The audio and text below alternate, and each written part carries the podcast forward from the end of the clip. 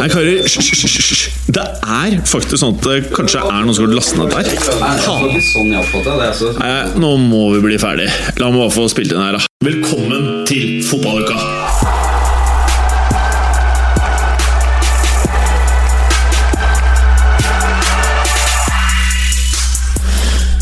Ja, kjære lytter. Du har nå æren av å sitte og høre på episode nummer 100. Og det er ganske sjukt. Episode 100, tenk dere det. Det er i det minste 100 timer. Og noen av de er jo halvannen, kanskje opp mot to timer. Det er snart 200 timer med offisiell fotballuka, pluss de to-300 som ikke ligger på iTunes. Det er mye fotballuka, ja. Mm. Og i dag skal vi selvfølgelig hedre eh, hverandre, så det blir mye snakk om oss og hvor deilige vi er. Og så blir det litt snakk om fotball også. Eh, så kos dere, og kom gjerne med deilige spørsmål til eh, etter påske. Så skal vi besvare alt. For i episode 101 da skal det bli et enda bedre fotballuka enn de første 100. Og med det så sier jeg hei til deg, Morten Gallosen. Hei, Hei. og gratulerer med dagen. Ja, tusen takk. I likeså. Takk, takk. Du ser ut som en uh, påskekylling. Eh, Du klarte å være hyggelig. Er det et kompliment? ja, altså Du har gult inni hetta di, og så har du gult Fenerbahçe-bokstaver, og resten er jo blått, da. Mm. Men uh, du er jo litt som påskekylling hvis jeg vrenger hetten din litt. Sånn. Er ikke alle litt påskekylling hvis de vrenges? jo, kanskje det. Og for dere lyttere, det vi eh, kanskje må meddele her, da Det at dette er andre gang vi spiller inn eh, episode 100. Vi, vi ga det et forsøk forrige uke. Men da ble det så jævlig mye Hva heter den der drikken? Ikke champagne, men Prosecco. Prosecco. Det ble ganske mye Prosecco-berger. Ja, det ble det. Og så ble det en del øl. Ja. Og så ble det noe sprit òg, ble det ikke? Ja, Hennessy. Det sto en flaske Hennessy her, Ja. og den måtte vi smake litt, eh, smake litt Ja, den ble det smakt på. Ja. Og da ble det altså så fælt. Altså, det var så fælt i studio at den, den episoden Det er første gang Ja, det var nummer 100, det. Ja, det var noe hundre Man skulle tro man ble bedre, og at man liksom eh, lærte hvor liksom barrieren gikk, da. Men, uh, Men så- men det lærte vi ikke. Altså Inntil et visst punkt så blir vi antagelig bedre med et par pils. Ja, ja, Men ja, her ble det jo Det er åpenbart at den kurven Den går ikke uendelig oppover. Du blir ikke bedre og bedre. Den, den snur helt ned. Altså Se, se for deg en opp-ned-U. Du blir bedre, og så blir du brått veldig mye dårligere. ja, for det gikk ganske bra til å begynne med. Og så gikk det plutselig ikke bare litt dårlig, men det gikk veldig dårlig. Det gikk veldig dårlig. Ja, Ja. Hvor vi prata i munnen på hverandre. Og det, det, jeg tipper for, for hardcore fotballuka-fans så er det sikkert gøy å høre på. Men det var litt Noe av det var litt ubehagelig å høre på i etterkant. Ja, det ble litt for hardt. Ja, det ble litt, Ja. det ble litt hardt. Så eh, for de kvinnelige lytterne som er der ute, og vet det er mange av dere, så tenkte vi skulle være litt snille med dere da, og ikke legge ut den nå. Så episode 100 for andre gang, eller tredje gang. For vi hadde jo to forsøk forrige uke. Hvor vi deleta en del, og så spilte inn det på nytt. Men det hjalp ikke. nok, det. Det var ikke, det var ikke nok. Vi var for fæle. Eh, og Morten, eh, kan ikke du nå som vi er i episode 100 Og dette her blir jo Nå må du late som vi ikke har vært gjennom den drillen her tidligere. Mm. Kan ikke du fortelle meg hva Hvis det er ett høydepunkt, da Én ting som skiller seg ut fra de 100 episodene vi har most sammen. For min del så tror jeg det må være da prompelydsappen min gikk eh, bananas under konkurransedelen en gang i, på våren i fjor. Da jeg til og med hadde en med en basskasse, som du kalte det, som eh, virkelig løfta fram prompelydene. Og hele panelet mista det jo helt, og det gjorde visst også lyttere på T-banen, fikk vi vite eh, i ettertid. Ja, for det var jo en uh, traver som har vært innom studio her, som holdt på å få juling på T-banen. Var det Ikke sånn, da, Berger? Hæ? Hva, hva, hva, skinke, var det ikke det? Skinke, som vi måtte Ja, ha ja, en som gjest like Ja. etterpå for å fortelle om dette. Ja. Han eh, Stemmer det. Uh, Satt jo og lo seg i hjel på T-banen, en overfull eh, T-bane, og så bare ned i bakken. Eh, da han først så opp med tårer i øynene og etter å ha hiksta seg gjennom eh, ti minutter med T-banekjøring, så så han opp på en gråtende person med utviklingshemming, Det er ikke bra, vet du. eh, hvor da denne og dens eh, ledsager var overbevist om at han hadde mista det fordi vedkommende hadde sittet der. Ja, og det er ikke en bra At det var det han lo av. Nei, så det sier litt om hvor fæle vi er. Ja, i hvert fall hvilken kraft vi har på lytterne. Når uh, vi nærmest kan ødelegge livet deres bare ved å være til. Ja, nettopp. Nettopp. Uh, Preben, Du sitter jo faktisk i stolen som Skinke satt i når han, måtte, når han fikk lov til å komme på besøk Ja, og prate om denne hendelsen. Jeg var, jeg var vel ikke her, jeg, den eh, runden der, tror jeg. Nei, eh, det var du ikke. Eh, 100 episoder, Preben, offisielle. Du og jeg eh, har vært med i enda flere. Eh, hva er det største og mest minneverdige øyeblikket du kan eh, komme på av fotballuka? Vi har holdt på i er det fire år nå, siden vi startet med mobiltelefonen. Jeg tror i august Fem. så er det femte året. Det er femte året, ja. Så det er jo veldig mange av episodene glir jo egentlig litt over i hverandre, men det er den ene episoden hvor vi hadde Blakeren på besøk, Ja. som jeg husker Jeg husker omtrent alt fra hele episoden. En fantastisk fyr å ha i studio. Fantastisk fyr. Og han fikk gjerne kommentere Manchester Citys, eller Sergio Agueros, eh, avgjørende overtidsskåring da de tok ligagullet eh, mot eh, QPR. Og det var eh, Det er bare å spole tilbake til for, eh, for alle lyttere. Hva det tror vi av sånn- første 15 episoden et sted, vel? Ja, jeg tipper det er noe sånn 10-15, Ja. rundt der. Så Og klassikeren var jo når han eh, rett og slett starta med 'jobbe, jogge, jobbe, jogge'! Og ga seg ikke. Ian Hart. Ian Hart. Yo Hart. Ja, det var helt fantastisk. Var fantastisk. Så den eh, husker jeg veldig veldig godt. Og så har vi også en med John Iva med. Ja. Eh, Veldig bra episode. Han var Liverpool-fan, etter det jeg husker. ja. Det var også god stemning i studio. God Han lurte stemning. fælt på hva som skjedde med tekniker Marius. Da Ja, nå måtte- skal du stille mitt øyeblikk. Unnskyld. Ja, Jim, uh, hva blir ditt uh, mest spesielle fotballukeøyeblikk? Det vet dere, fordi det har vi allerede prata om forrige uke. Men jeg kan si det igjen for dere som ikke har hørt det. Og det er uh, første ti episoder av Fotballuka, så uh, hadde vi med oss tekniker Marius. Hei, tekniker Marius, hvis du hører på. Eh, og det var jo veldig flott. Tekniker Marius eh, Han eh, var på do når vi hadde Joni med i studio. Uh, og vet du hva? Nå tror jeg faktisk jeg må bare ta litt av historien til fotballuka for at folk skal skjønne hvordan dassen var. og her må du være med, Berger, uh, på dette her. Her må alle være konsentrerte. Uh, måten vi starta fotballuka på, det var jo et resultat av at det var så jævla dyrt å spille inn podkast overalt. Og det billigste vi fant, var noe som het Krypton Studios, som skulle ha 2500 kroner timen for å spille inn fotballuka. Og det ble litt stivt der og da, eh, per episode, liksom. Og så Da holdt vi på med en iPhone 3GS. Vi satt på puber, spesielt Fru Burums. Det er jo hjemmet vårt. Det var der vi starta. Og da var det vel eh, du, jeg, Preben eh, Du, jeg, Preben. Du, jeg, Preben. ja. Eh, Preben, jeg, Bjarne, Marius og en haug med andre karer. Kure, Burås Ja, det var mange innom. Eh, Så alle stilte like uforberedt til hver eneste sending. ja. Med øl, McDonald's Det var liksom Det var bare rør. Men eh, det vi hadde til felles, var at de syntes det var jævla gøy. Og så utkrystalliserte det seg, da, hvem som skulle være med videre i fotballuka. Og eh, da var det i hvert fall eh, oss to, Preben, og Kristoffer, eh, aka Bjarne Tuve Arnesen. Eh, og så gikk vi videre, da.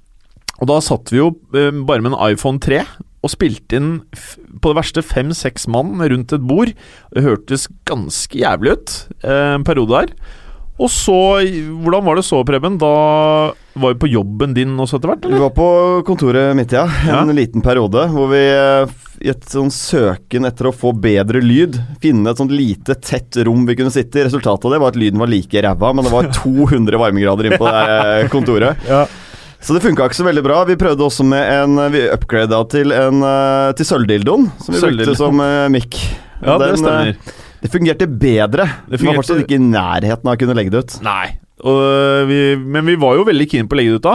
Og definitivt. Dette er før Berger og Galesen sin podkastkarriere hadde startet. eh, dette her Og da tror jeg faktisk du og Bjarne begynte å bli jævlig utålmodige. Ja, ekstremt. Ja, og Dette det- må vi bare spytte ut. Ja, Og så sa jeg eh, rett rundt hjørnet, to-tre uker til.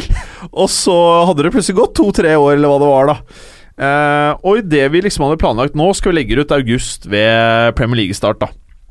Eh, Da endte det med at vi solgte møblene i stua mi på Finn. La ut hele dritten.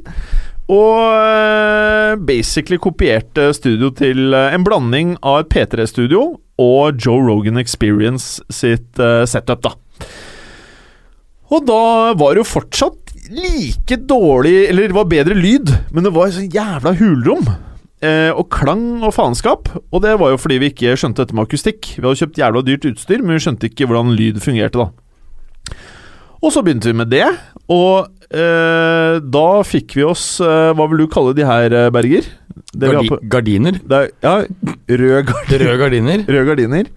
Eh, og for mange så vil Det minner jo om Red Light District. Eh, Ja, det må du fortelle meg. Jeg vet ikke. Ja, nei, du sa det i episode 100, i hvert fall. Ja. Første delen av episode 100. Nå er det du som har sagt det i episode 100, Hva da?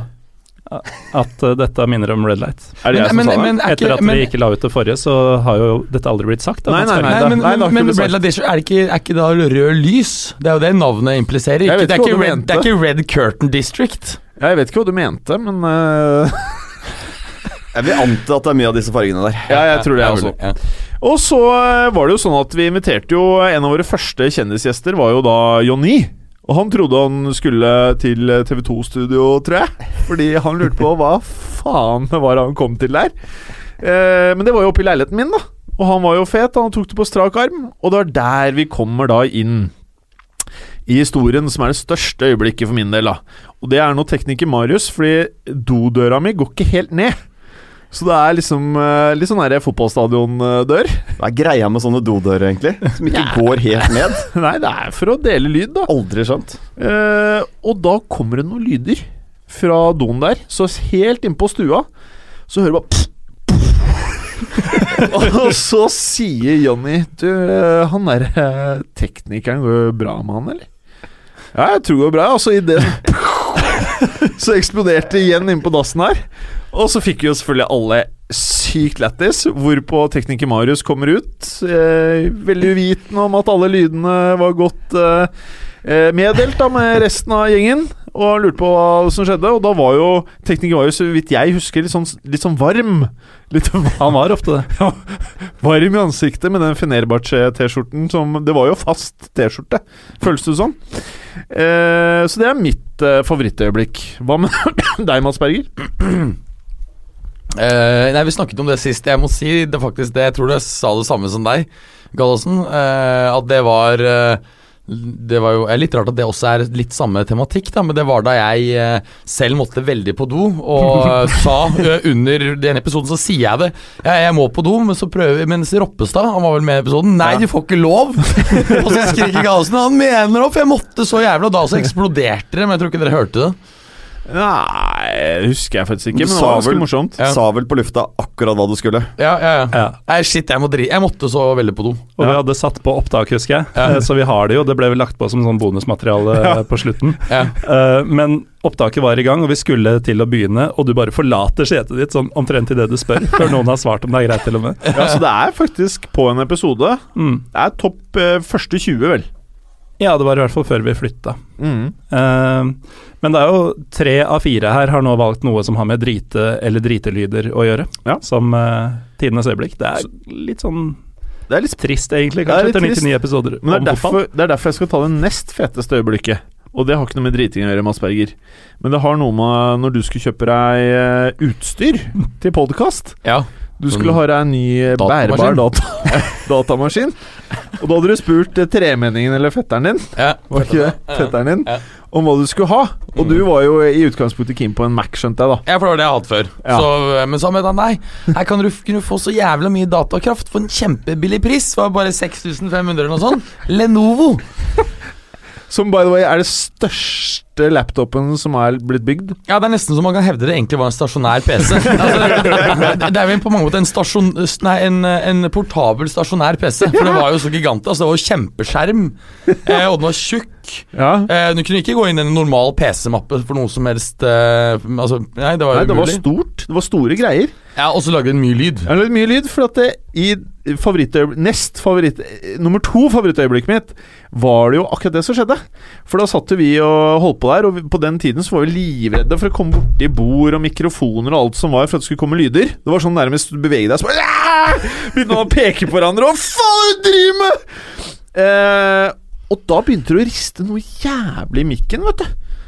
Og så skjønte jeg ikke hvor det kom fra. Jeg drev og så under bord. Kanskje var det noen som hadde rockefot. Det var ikke det heller. Og så så jeg bort på Bergeren, så at Lenovoen drev og ristet. Altså eh, skjermen din drev ristet, flappet frem og tilbake. Jeg og så lagde du lyd òg. Ja, Ja, og Nei, først var det en det, Og så begynte plutselig um, CD-rommen å spille. Og så Jeg løftet den opp for at det ikke skulle Nei, det som skjedde, var at jeg sparket deg i leggen. Jeg var det der, og så løftet jeg den opp. Og så tok jeg ut CD-rommen, og bare Og da kom um, Football Manager 2009 eller noe sånt. Det var ikke nyeste. Nei, det var ikke nyeste. Jeg tror, jeg tror det var 9-10. Ikke var det det nest nyeste heller. Nei da, nei det, det var noen gamle greier. Uh, og sånn startet jo ikke bare fotballuka, men også moderne media, da. Som har blitt uh, hjemmet til mang en podkast, spesielt fotballpodkaster. Vi har jo en fæl, fæl eh, podkast her som heter Pyro Pyvo, blant annet, som har starta. Hørte jeg riktig eh, i siste episode av den, så syns jeg hørte du var med. Ja, faen, jeg ble trua inn i studio der, vet du. Så jeg satt jo der, da. Hadde ikke noe der å gjøre. Men det var gøy. Det var det. Ja, det var gøy. Det var gøy. Eh, jo, så nå er vi her, og vi er på episode 100. Og jeg merker at dette, litt av piffen som vi hadde forrige uke, den er vel ikke akkurat med nå. Men det jeg tenkte jeg skulle si Hvis nok folk maser om å få høre originalen, så kan vi legge ut introdelen, som er ganske, ganske syk, som en bonusepisode på et eller annet tidspunkt, da. Det er fair. Det er fair. Det er fair. Det er fair. Det er absolutt. Uh, Da om- må folk mase skikkelig. Ja, Både på Twitter og Insta og Jeg Ja. tror egentlig ikke du og jeg er de som skal være mest bekymra. Nei, det Nei, det er vel ikke jeg heller, egentlig. Hvem er det vi står igjen med da? Nei, hvem er det? Som bør være nervøs? Det er pluggen, det. Nei, in- Introen var vel ikke så spicy? da, vel Jeg, Nei, den var brukbar, den, ass. ja, var det, ok. Den var brukbar. jeg, tror jeg, må, jeg tror jeg må høre gjennom den før, eh, før jeg godkjenner utleggelse. Altså. Ja, nei, den var spicy og fin. Men eh, folkens, Europa. Oi, var det en Lenovo-lyd? Det var nok min som eh, prøvde å lage litt uh, Det var litt Herme. Lenovo-ete. Eh, Morten Galaasen, Si. Europa. Jeg har fått beskjed her av eh, programutsenderen at alle plukker det de vil fra sine ligaer. Det gir jo Ah. deg masse frihet, Morten Gallesen. Nice. For vet jo hvilken liga du har? Ja, vi kan vel begynne i Deutschland. Uh, Ja. Uber alles. Jeg var redd Tyrkia kom med. Ja, fy fader. Åh, så mye spillerom hadde jeg jo faktisk. Du hadde det nå? Ja. Fener vant 3-1 mot uh, ja, Akisar, lurer jeg på om det var. Men det trenger vi ikke å prate om. Usch. Der er toget gått, for å Er si det det noe sånn. kommersielt anlagte spillere igjen i klubben der nå, eller? I Fenerbahçe? Mm. Ja, du har fortsatt van Persie der, da. Å ja? Ja da. Hvor gammel er han nå? Nei, nærmer seg vel før han òg. Nei, men er ikke så gammel, han faktisk. Jeg er ikke mer enn 33? 32? Nei, noe sånt. Han er vel omtrent på min alder. 35. Nei, jeg vet ikke. Han har Men fått hår. det folk kanskje forventer å høre om, er vel Bayern Dortmund, Ja, vil si det. blant annet. Eh, som kampen som alle gleder seg til i Tyskland. Uh, der klassiker som eh, egentlig Jeg vet ikke hvor mange tyske fans som kaller den for det klassiker, og i hvert fall ikke fans av disse to lagene. Det er mer en uh, tittel som TV-selskaper sånn har kommet opp med for å skape litt internasjonal blest og sånn. Uh, men det er jo det største oppgjøret i Tyskland, hvis du ser på eh, ja, hvor gode klubbene er. Det er jo nummer én og nummer to de siste fem, seks, sju, åtte åra. Og um, den ble jo redusert til en vits denne sesongen. Er folk kleine her, eller? Nei, ikke det, altså. Det har vært lang dag i sola. Ja, ja ok.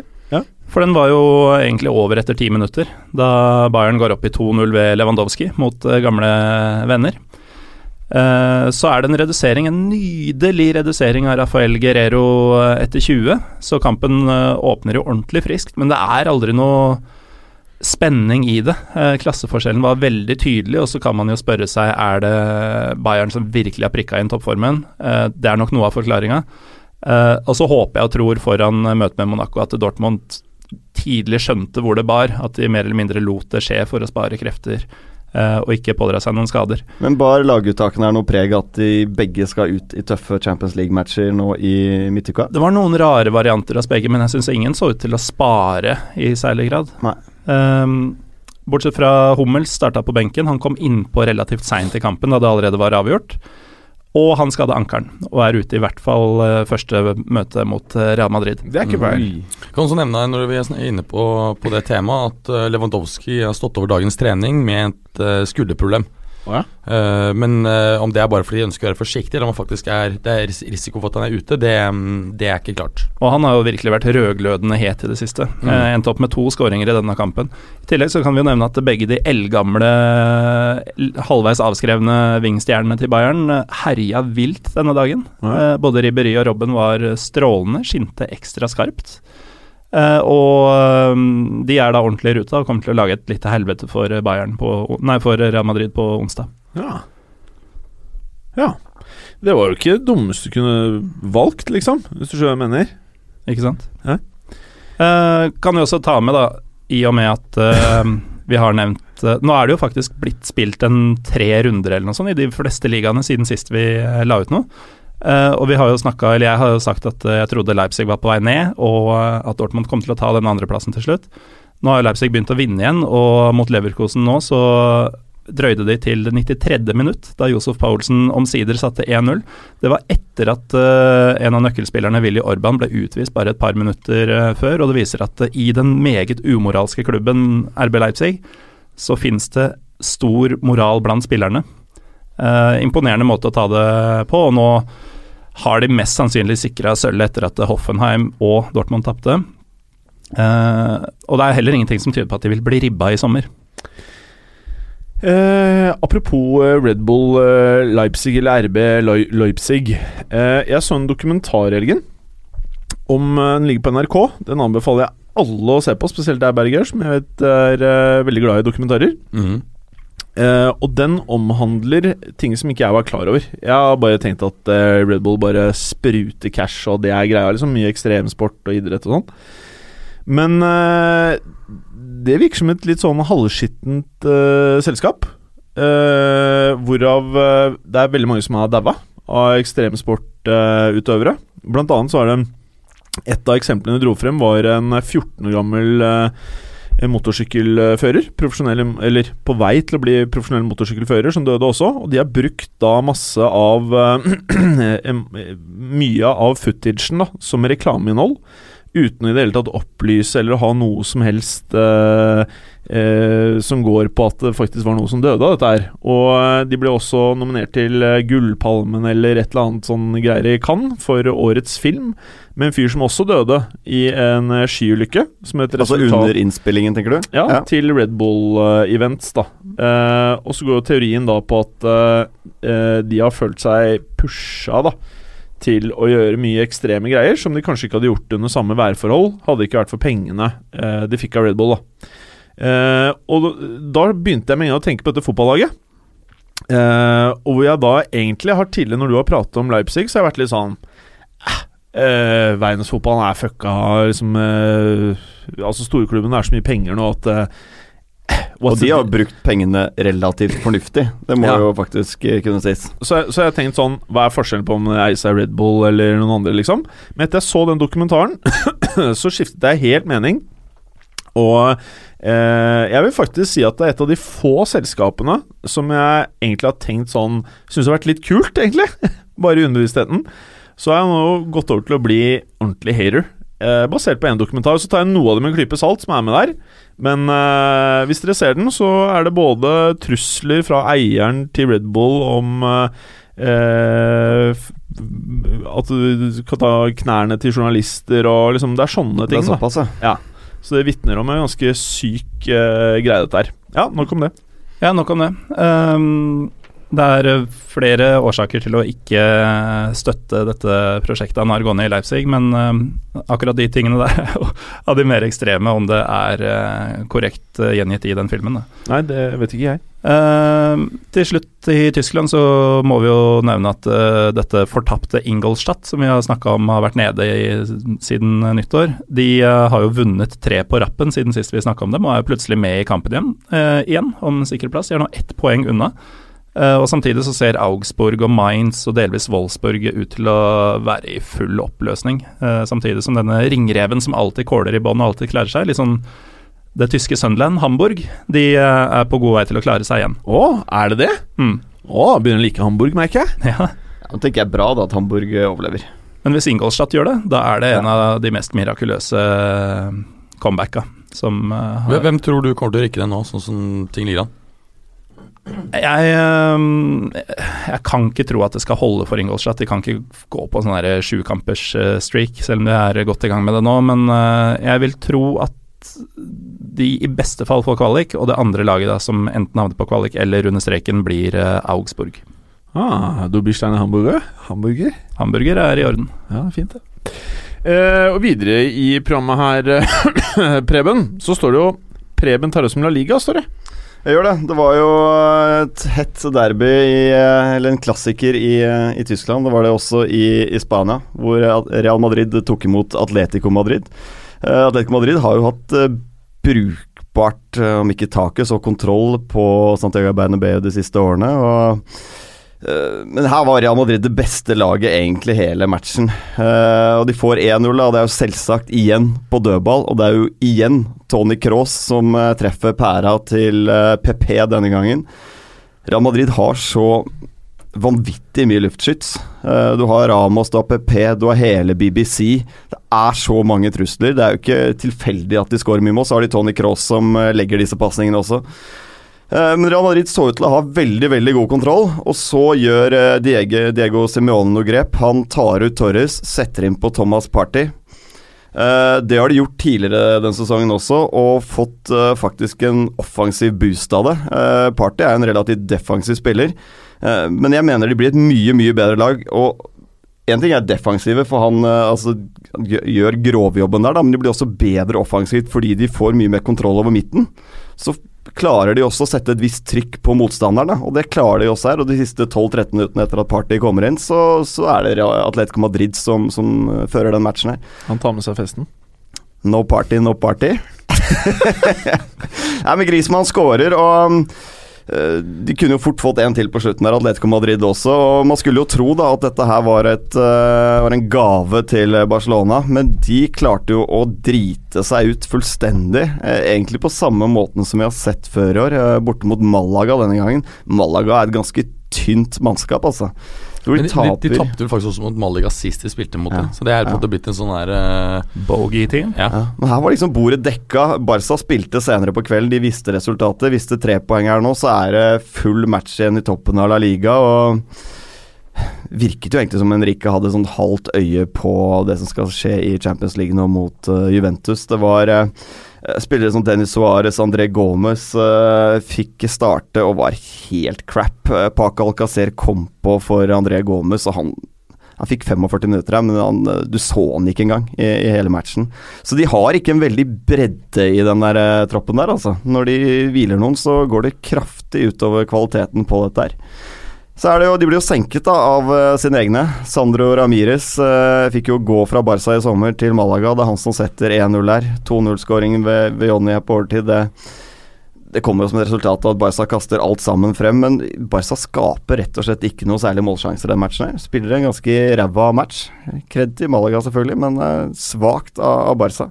De, de sparte vel heller ikke noen spillere, egentlig? Jeg var litt på midten, altså Iniesta var på benken. Han kom vel bare innpå i andre omgang. Ja, så Problemet også, Rakitic dro på seg et gult kort med vilje i forrige serierunde for å kunne stå over den her, for å bli klar til å møte Real Madrid uh, uten noe gult kort senere. Samme gjorde Piquet i forrige kamp. De trodde dette skulle bli en walkover, så de tok på seg noen gule kort da, med vilje eh, mot slutten av forrige runde eh, for at de skulle stå over denne.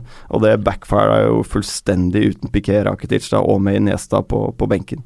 Så ble det altfor tynt. Eh, det er, eh, som jeg sa, Gomez og, og Dennis Suárez de er ikke gode nok for å spille i Barcelona. Det er i hvert fall sånn som de ønsker å spille. Ja, altså det, det er litt interessant, for hvis du ser på Gomez, han har fått veldig mye kritikk. Og eh, det ryktes bl.a. at Messi aktivt har bedt eh, administrasjonen i Barcelona om å selge han, hva mener ikke er god nok. Men han er faktisk den spilleren i eh, Champions League som har høyest eh, altså completion rate når det gjelder pasninger. 94 mm. mener jeg. Uh, og faktisk er den som har flest antall uh, gjennomførte pasninger på motstanderlagets tredjedel av banen. Så, men, det er litt uh, det er veldig, overraskende. Veldig overraskende stats. Tenker, men, ja, ja, ja.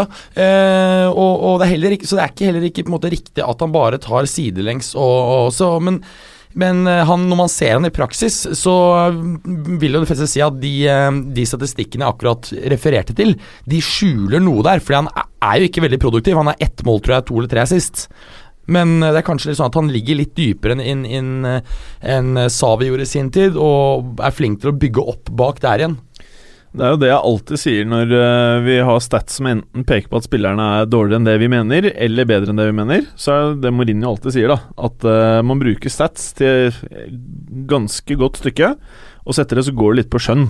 Fordi av og Mm. til så må du ha det der eh, øyet for å se hva er det som funker på banen og ikke. Så alt kan ikke være stats. Men, men Preben, var det ikke sånn at både PP og Varan ble most? Eh, Pepe måtte ut med noe brukne ribbein. Og Varane er most fra man er most fra før. Så, Men de kan jo kjøre Nacho og Ramos der, da. Så det spiller jo egentlig ingen rolle, sånn som jeg ser det. Og Det Nacho er- har vel vært beste forsvareren til Ja. Madrid i år, på Ja. mange måter. Ja, Faen, for en uh, spiller, da! Mm.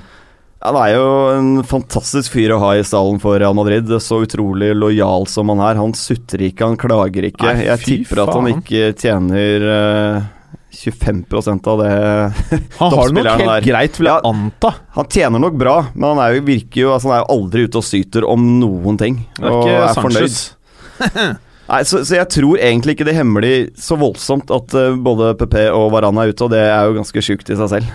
Men Ja, det- eh, hva hvis Ramos plutselig sklir på såpen, da? Da begynner han å bli Det- trøblete. Da begynner det å bli Ja, tynt, men, men det vil det gjøre for hvert lag da, hvis du mister tre gode midtstoppere. Ja, det er at eh, Defensivt sett så har vi jo sett at eh, det er en statistikk jeg har referert til tidligere, at eh, eh, med og uten Ramos på banen, så slipper faktisk Real Madrid ganske betydelig færre mål eh, inn. Jeg mener eh, statistikken viser ett mål i snitt når han ikke spiller, og ett og et halvt når han spiller. Ja. Slik at uh, For det har vi snakket om, Ramos har i perioder så er han ganske sløv på posisjoneringen.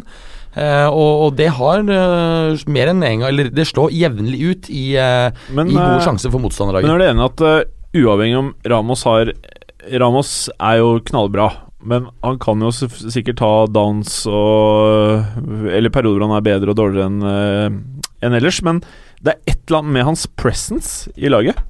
Et eller annet sånn derre Veldig lederkarakteristikk eh, over han. Og jeg tror, hvis jeg hadde vært en av de andre spillerne, hadde hatt litt noia for å gå ut på banen uten Ramos. Jeg tror han er jævlig viktig i garderoben. Ja, Det er en samlende figur der. Ja. Det er jo det. Ja, og så er det ikke minst det at han faktisk skårer veldig eh, viktige mål. Ikke sant? Ja. Eh, Det har han gjort mange ganger denne sesongen og over de siste årene. Og så eh, må det jo Han må jo åpenbart være en ålreit fyr, ettersom Ronaldo har tilgitt han etter at han moste dama hans. Ja, han, hvordan vet du Ja, ja, når eh, Ronaldo var i United, Ja. så hadde Ramos tatt en eh, høyre-venstre og fått på noe juice. Og da var visstnok Ronaldo ikke helt happy, men Men det var vel ikke kjæresten hans? Det var bare dama Nei hadde, da, det hadde, vits ikke, det på henne. Ja, Jeg, jeg Jeg, har ikke spurt han om det direkte, liksom. Men har, eh, har Ronaldo uttalt aktivt at har sagt at jeg tilgitt han? eh, nei, det, men det virker som det er ok stemning. Hvem var det som refererte til som sa at legg merke til det at eh, de Jeg har ikke sett det selv, men at Ramos og Ronaldo aldri jubler sammen på banen. Er det sant? Jeg vet ikke, men jeg ser for meg at de eh, Ja, det er to alfamails, vet du. Det er Se- du ser, ser for deg at de gir han en handjob i dusjen etter Jeg matchen? ser for meg Ser for meg Ramos uh, løfte opp Ronaldo ved pool areaen, ja. uh, ja. Vi må ta dagens sjokknyhet i spansk fotball, altså. Det Ja. er Ja, eh, at nok et spansk lag prøver å hente inn en engelskmann for å, å redde plassen i La Liga. Og denne gangen er det Granada som henter inn eh, eks-alkisen eh, Tony Adams for å styre den skuta resten av sesongen. Uansett om de gjør det dritbra eller ikke, så mener jeg at det er den sykeste ansettelsen noen gang. Jeg har, ikke noe å si om de vinner eh, masse kamper. Dette her er for sykt å gjøre. Ja, det er mye sykere enn de andre tingene. Altså, ja. Han har jo Neville, tilnærmet Neville, jeg kan skjønne det på en dårlig dag, liksom. Ja, ja, ja. Men det her er Men vilt. Den var igjen sykere enn Moyes. Moyes sånn, tenkte at ok, det kan kanskje funke. Neville tenkte at nei, det går ikke, men det her er enda villere. Ja, Skal vi høre klubben han har trent, eller? Det er Wycombe. Har han, eh, altså han uh, trent Young Fe Feyenoord, Portsmouth, Gabala FC, uh, og nå da Granada. Altså Gabala FC, hvor er de fra? nei, Georgia eller noe. Det er, eh, Åh, det er kanskje Morten Gallosen har sett på i det live. borti der et eller annet sted. Har du sett de live, Morten Jeg har ikke sett dem live. Nei, det er, det er helt utrolig eh, ansettelse å gjøre. Og de, eh, de har jo teorien mulig De har syv poeng opp nå, Granada til eh, Leganes på, på stikkerplass. Og det er jo ikke noe umulig oppgave, men det ser litt tøft ut når de går for Uten å kødde, jeg tror vi fire hadde klart det. Uten å kødde, jeg tror vi fire hadde klart det. Klart Og det. berge Granada? Ja. Vi fokuserer på hvert vårt ledd av laget. Jeg er usikker. ikke- Jeg er det- Men jeg tror vi kunne gjort det like bra som, um, som uh, van Gaal, uh, som United-trener, hvis vi hadde fått like, lik sum penger. Det tror jeg. Ja, ja bedre. Vi hadde faen meg slått det I en slags managerrolle. Altså i managerrolle, vi er ikke Ja. på treningsfeltet. Nei, nei. Nei, nei, nei, manage, Nei, manage. Kjøpe, kjøpe spillere, sette opp formasjon, og så, få, og så stå og skrike til dem. Ja. Ja. Og så kan vi ha litt sånn innsideinformasjon, sånn at vi setter opp fancy fotballaget vårt, og så tror folk at Zlatan skal starte, og så Og så er det Så er det på Rashford. benken. Ja, og så er det Rashford. Så har vi han på fancy, ikke sant? Ja. Som kaptein. Bare for å vri dette tilbake til det som vi egentlig prater om, nemlig Gabala. Eh, så ligger det i Aserbajdsjan, eh, som er grunnen til at jeg ikke har sett dem, for jeg har ikke vært i Aserbajdsjan. Og ting tyder på at det uttales Khabale. Khabala. Khabala. Mm, samme Bra. som smykket til Mats Berger. Khabala. Vi kan være enige om at det ikke er noe veldig stor trenererfaring å dra med seg inn i La Liga. Ma. Uansett. Men, Men det er eh, morsomt. Ja, det er veldig morsomt. Det er jo veldig fotballukete, som sagt. Men uh, føler du deg ferdig? Jeg føler meg ferdig, altså. Ja. Og da er du endelig duka for Mats Berger, og du har jo selvfølgelig Serie A. Ja, vi skal ta en kjapp tur innom uh, Kan, helgens kan jeg bare spørre om en ting? Hva? Han, jeg vil ønske bare å starte med et spørsmål. Jeg. Det kan du gjøre. Tjukken, vet du hva han sa? Mm. Han sa det var vanskeligere å spille fotball i Italia enn i Spania. Ja, det er vel, sier vel de fleste. Det sier de fleste. Ja, det er jo mye mer taktisk, Å ja. ikke sant, så det Det er ikke høyere nivå på spilleren, kanskje? eller?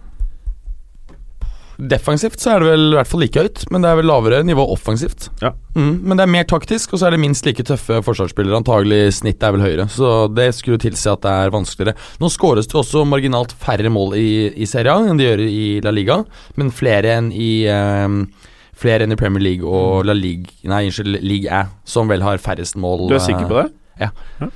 Flere Mens mål mens i Serie A enn i Premier League? altså, det er ganske likt i Serie A, um, La Liga og Premier League. De to som skiller seg ut, er bondes, tradisjonell er Bundesliga med klart flere skåringer, og Liga med klart færre. Faen, vi må gå Vi må, vi må være med Galås mer på match nedi det der eh, fæle landet der. Ja, det er anbefalt. Ja, Eh, eh, Det høres jo helt fantastisk Billig øl, billige billetter. Hvorfor faen, hvorfor sitter ikke alle og følger med på tysk fotball og bare driter i alt annet? Alt høres jo best ut der, bortsett fra de fæle RB. Ja, og så er det jo språket da, som er en utfordring. Hva sa Jens Jeg er ja ikke, da, snakker ikke alle engelsk der? Det er helt uproblematisk. I Tyskland? Ja. Nei. Nei, altså det er ikke noe vanskelig å være i Tyskland, det er ikke det, men Alle eh, eh, Togene kommer når de skal, folk oppfører seg ordentlig, liksom, og billig øl. Jeg tror du skal få tak i noe pils uten Ja. å kunne veldig mye tysk. Ja. Okay. Men uh, sånne ting spiller jo inn når folk velger fotballtur, da. Og da blir det jo fort England for de fleste. Uff a meg. Uff a meg. Eh, hva skjer da, Bergers? Tenkte du å ta noe mer, eller?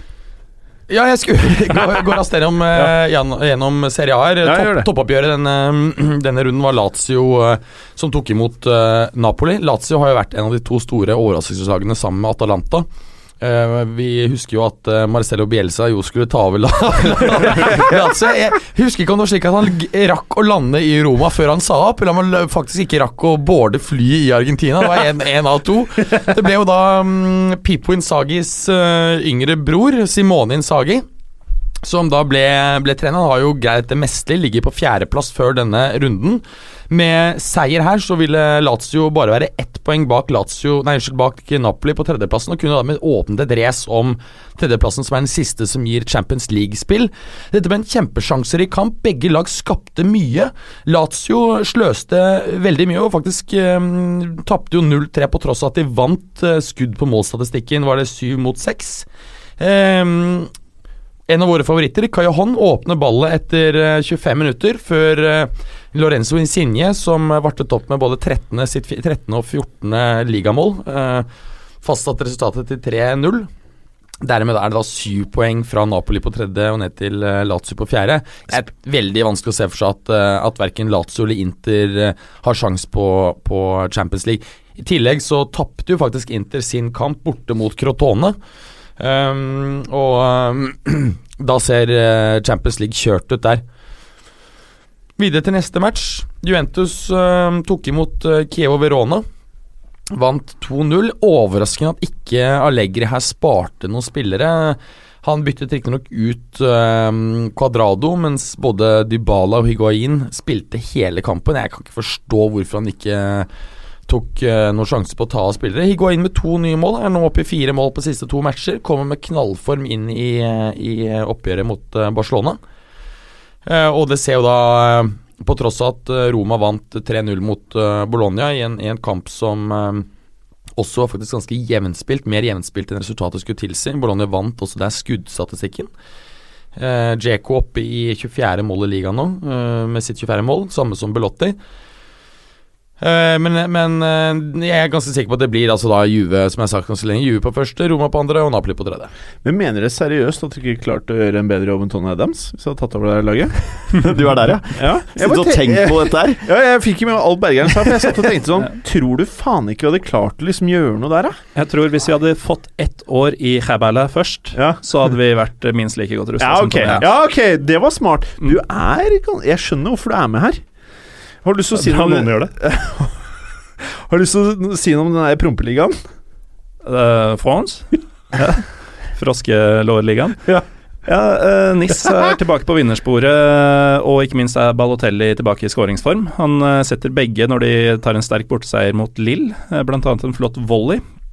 Eh, og et litt sånn kranglete mål eh, rett før pause. Ja. Nå har eh, NIS Jeg har jo avskrevet dem i gullkampen. De har akkurat nå bare ett poeng og fire poeng opp til henholdsvis PSG og Monaco. Men begge disse har jo én kamp mindre spilt pga. ligacupfinalen forrige helg. Uh, ingen særlig sjanse for at de tar igjen noen av disse. uh, men til gjengjeld har de 16 ned til Lyon på fjerde. Så medalje, det blir det på NIS.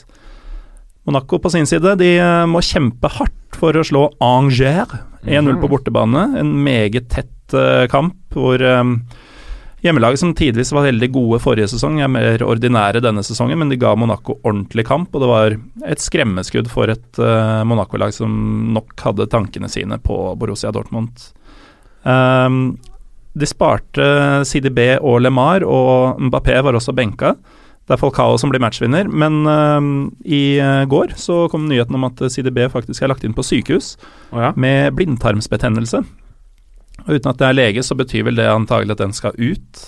Og med Ja, den pleier jo ikke å la den bli der hvis den er betent, tror Nei, jeg. ikke Det er sant. Så med diverse Det er fint å få den Ja. ut. Med recovery time. Jeg vet ikke hvor lenge man er sykemeldt etter en sånn, men han spiller nok ikke på en stund. Nei. Eh, Resten av sesongen ryker Jeg, jeg, jeg aner ikke, jeg heller. Men det er jo en operasjon, så man skal sikkert Mm. være litt forsiktig etter det. Så Almami Touré, ganske lite rutinert spiller, spilte høyreback i denne kampen. Kan fort bli å finne på banen mot uh, Dortmund også. Hadde vi, hadde vi, hadde vi leda den klubben der, og han hadde fått ut den der, den der tarmen, da hadde vi, Hvor tidlig hadde vi spilt den? Jeg hadde, jeg hadde sagt Holder stinga, Så spiller på du. banen! Er på banen, og holder dem ikke, så syr du eh, et ekstra stripe med sting, så det er sikkert at det holder. Gaffateip. Ja, så kjører du gaffateip oppå.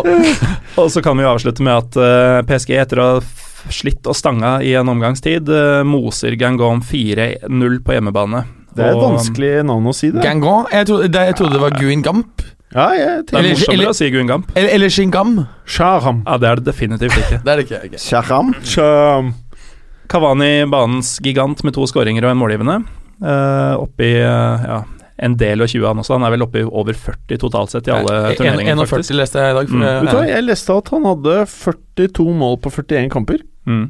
Nei, 41 på 42, tror jeg. men ok. 42 på Er du 41, jeg tror det.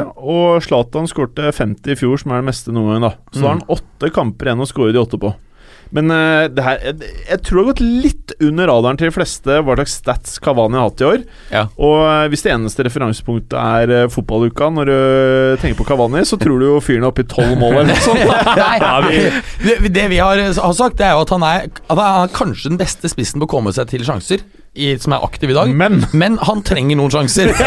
Så, Han men- kunne jo hatt 60-70 sannsynligvis på ja, ja, altså, han, har hatt liksom Messi på sitt beste for sånn i 2009-10-sesongen. Ronaldo-type. ja, ja. Eller gamle Ronaldo. Ja, Frode, ja. Da, da hadde han vært oppe i sånn 60-70 mål. Men en annen fet greie når vi snakket om, om Zlatan Vet du at Zlatan i helgen rundet 250 mål i tellende kamper etter han fylte 30? Hæ? Ja! Det er helt vilt. Men det er, det, er for, Nei, er det det er for klubb og landslag, da. Ja, Det er samlet, men det er helt spinnvilt. Er du sikker? Hvor gammel Ja, er han? det stemmer 35? Mm. Ja, 35. 50 i sesongen, da. Ja. Ja, faen. Mannen er faen meg vill, vet du. Ja, det er helt vilt. Føler du deg ferdig med prompen? Ja, uendra i toppen i og med at Monacos målforskjell, selv om den blir tatt litt innpå her, er uslåelig. Ja, Hva er topp tre nå?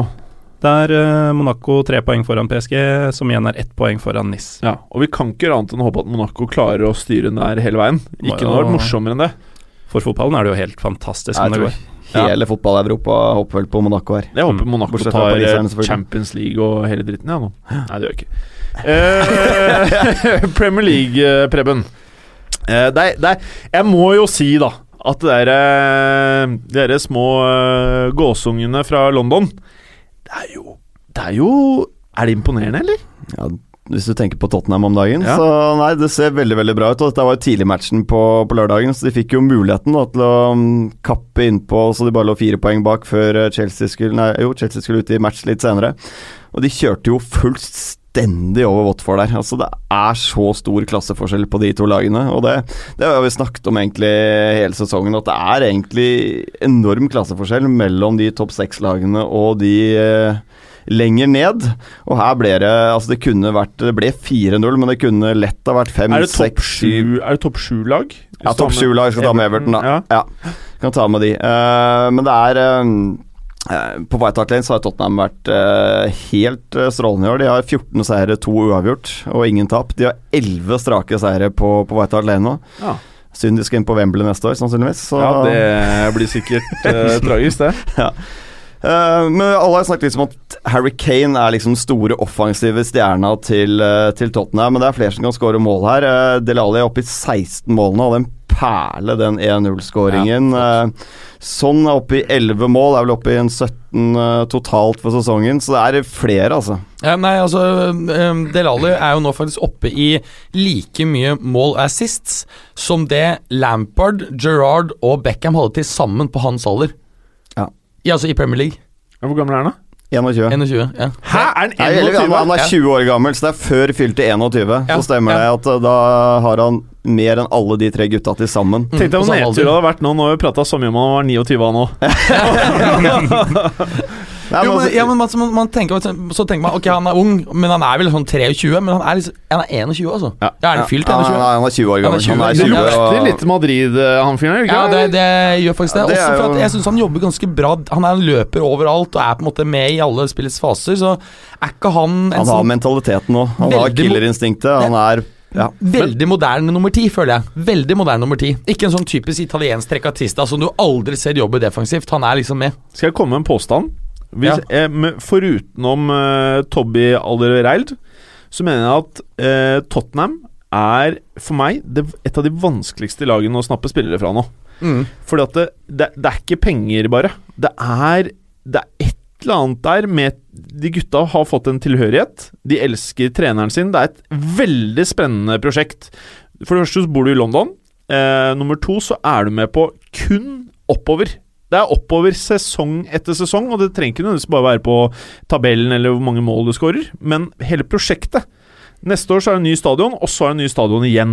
Og så Og- betaler de heller ikke dårlig. De, de har jo nå begynt å bryte den der 100 000 Ja, det er bare eh, to, uka. to spillere som har det, Ja. men, men eh, allikevel, da, så er det et eller annet med at eh, det nytter ikke å bare hoste opp 100 mill.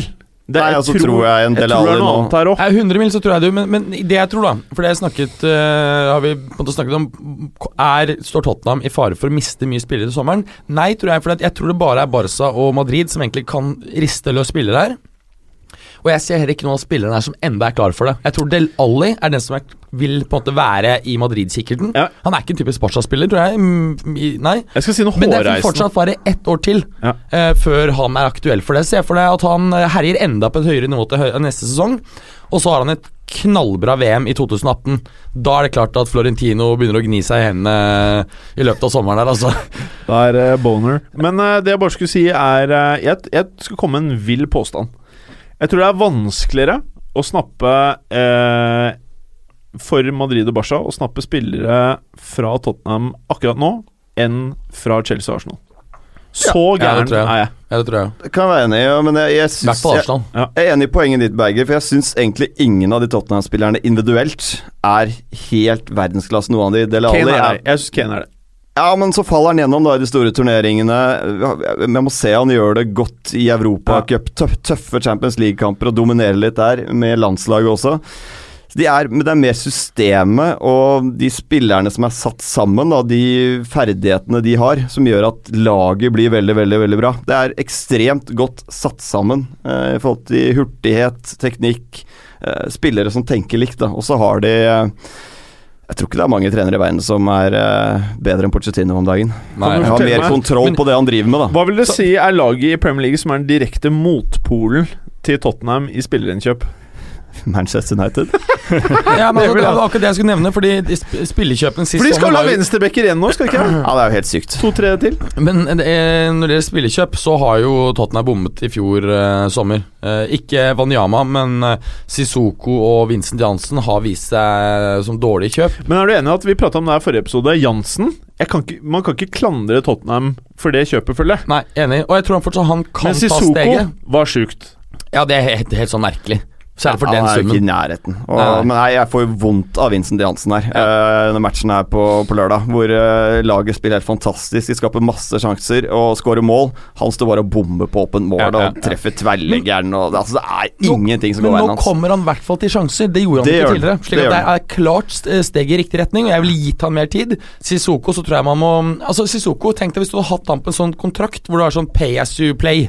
Da tror jeg han hadde vært knallgod, for da måtte han prestere hele tiden. Ja. Nå må han bare prestere noen måneder hvert. bedre enn Pogba. Ja, ja, ja, ja. Da, da hadde han vært en av de beste i ligaen. Hvis du hadde pusha Ja, han det. knallhardt.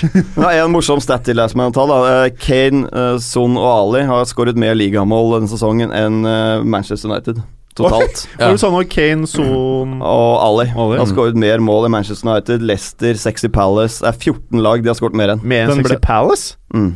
Å, fy faen. Det tror du ikke blir på jo- staten være gal. Det må jeg dobbeltsjekke. Den der blir jo enda sykere hvis du tar bort den mestskårende på både Tottenham og United. Ja. For da har jo Ja, for det er ja, aleine flere enn Ja. eh, hele United. Ja. Ja. Ja, det er faktisk helt vilt. Nei da, men de setter jo press her, men eh, det hjelper jo lite. Så, så lenge Chelsea Det virker som det blir en sånn sesong som i fjor, da, at de prøver å catche topplaget, og så går det akkurat ikke. Det er mulig de spiser seg inn på Men- tre poeng, fordi Men ja. for et signal du sender til alle andre, liksom. da Mm. Det er jo øh, Du må eh, For det første så er det jo dette her med det, De burner ja, ok, det er jo Dårlig kjøp, de, de brenner ikke cash. Altså Det er ikke bare sånn helt sånne ville greier som skjer. Det går jo stort sett i null. Hvis du ser over en fem-tiårsperiode nå, så går det jo i null på nettspending. Da. Nettspenning. Eh, er vi ferdige der? Vi er jeg fikk ferdige lyst til å prate mer, jeg, men uh, Berger Stoke Liverpool. Ja, Stoke eh, er jo vanskelig å bryte ned hjemme. Veldig viktig kamp for, eh, for Liverpool der. Mané er jo som vi vet skadet før denne matchen. Jeg har matchen. den fortsatt på fancy-laget mitt. Ja, det. Han og Col Coleman. Ja. Og Er du denne kaptein. sesongens uh, Mats Berger i Fantasy? Ja, Ja, men eh, poenget er at det går sykt mye bedre nå enn når jeg drev og bytta. ja, ja, ja. Altså, det går så bra nå! Fordi at uh, Lukaku er reservekapteinen min, så han får nå dobbeltpoeng. Han skårte jo uh, sånne to mål. Og så får jeg inn eh, Davis, som skårte. Så får jeg en Stevens på Southampton, som får bonuspenger. Kunne ikke gått bedre. Uh, mens jeg husker på det, glemte vi å snakke om Atletico Leicester? Eh, hva tenker du på? I Champions League? Vi har vel strengt tatt ikke snakket om Champions League i det hele det, tatt. vi, vi ser om vi får tid til det etterpå, vi nå, ja, ok. eh. Ellers så ble jeg helt forvirret. Ja, vi snakket jo Ja, forresten lett ikke å om eh. Juve Barca Det er jo så Ja. mye fotball. Ja. Man blir jo, det er lett å bli metta òg, si. Ja, nei, men interessant Før denne matchen her Så hvis du så på Liverpool med og uten Mané Så hadde de tatt 2,1 poeng I ligaen med Mané Vet du hvor mye de tok Altså tatt per kamp uten Sikkert tre. Det er vel ett poeng eller noe totalt? Ti. Er det? Altså per, i snitt 20. per kamp Du kan aldri få mer du kan, Tre. Nei, et halvt Ja, et halvt, ja. Nei! Et halvt Nei, kutt ut, da. ja, ja. Altså de er, de er over fire ganger så mer, eff, mer effektive Med han og uten han Nå, En annen ting vi må google.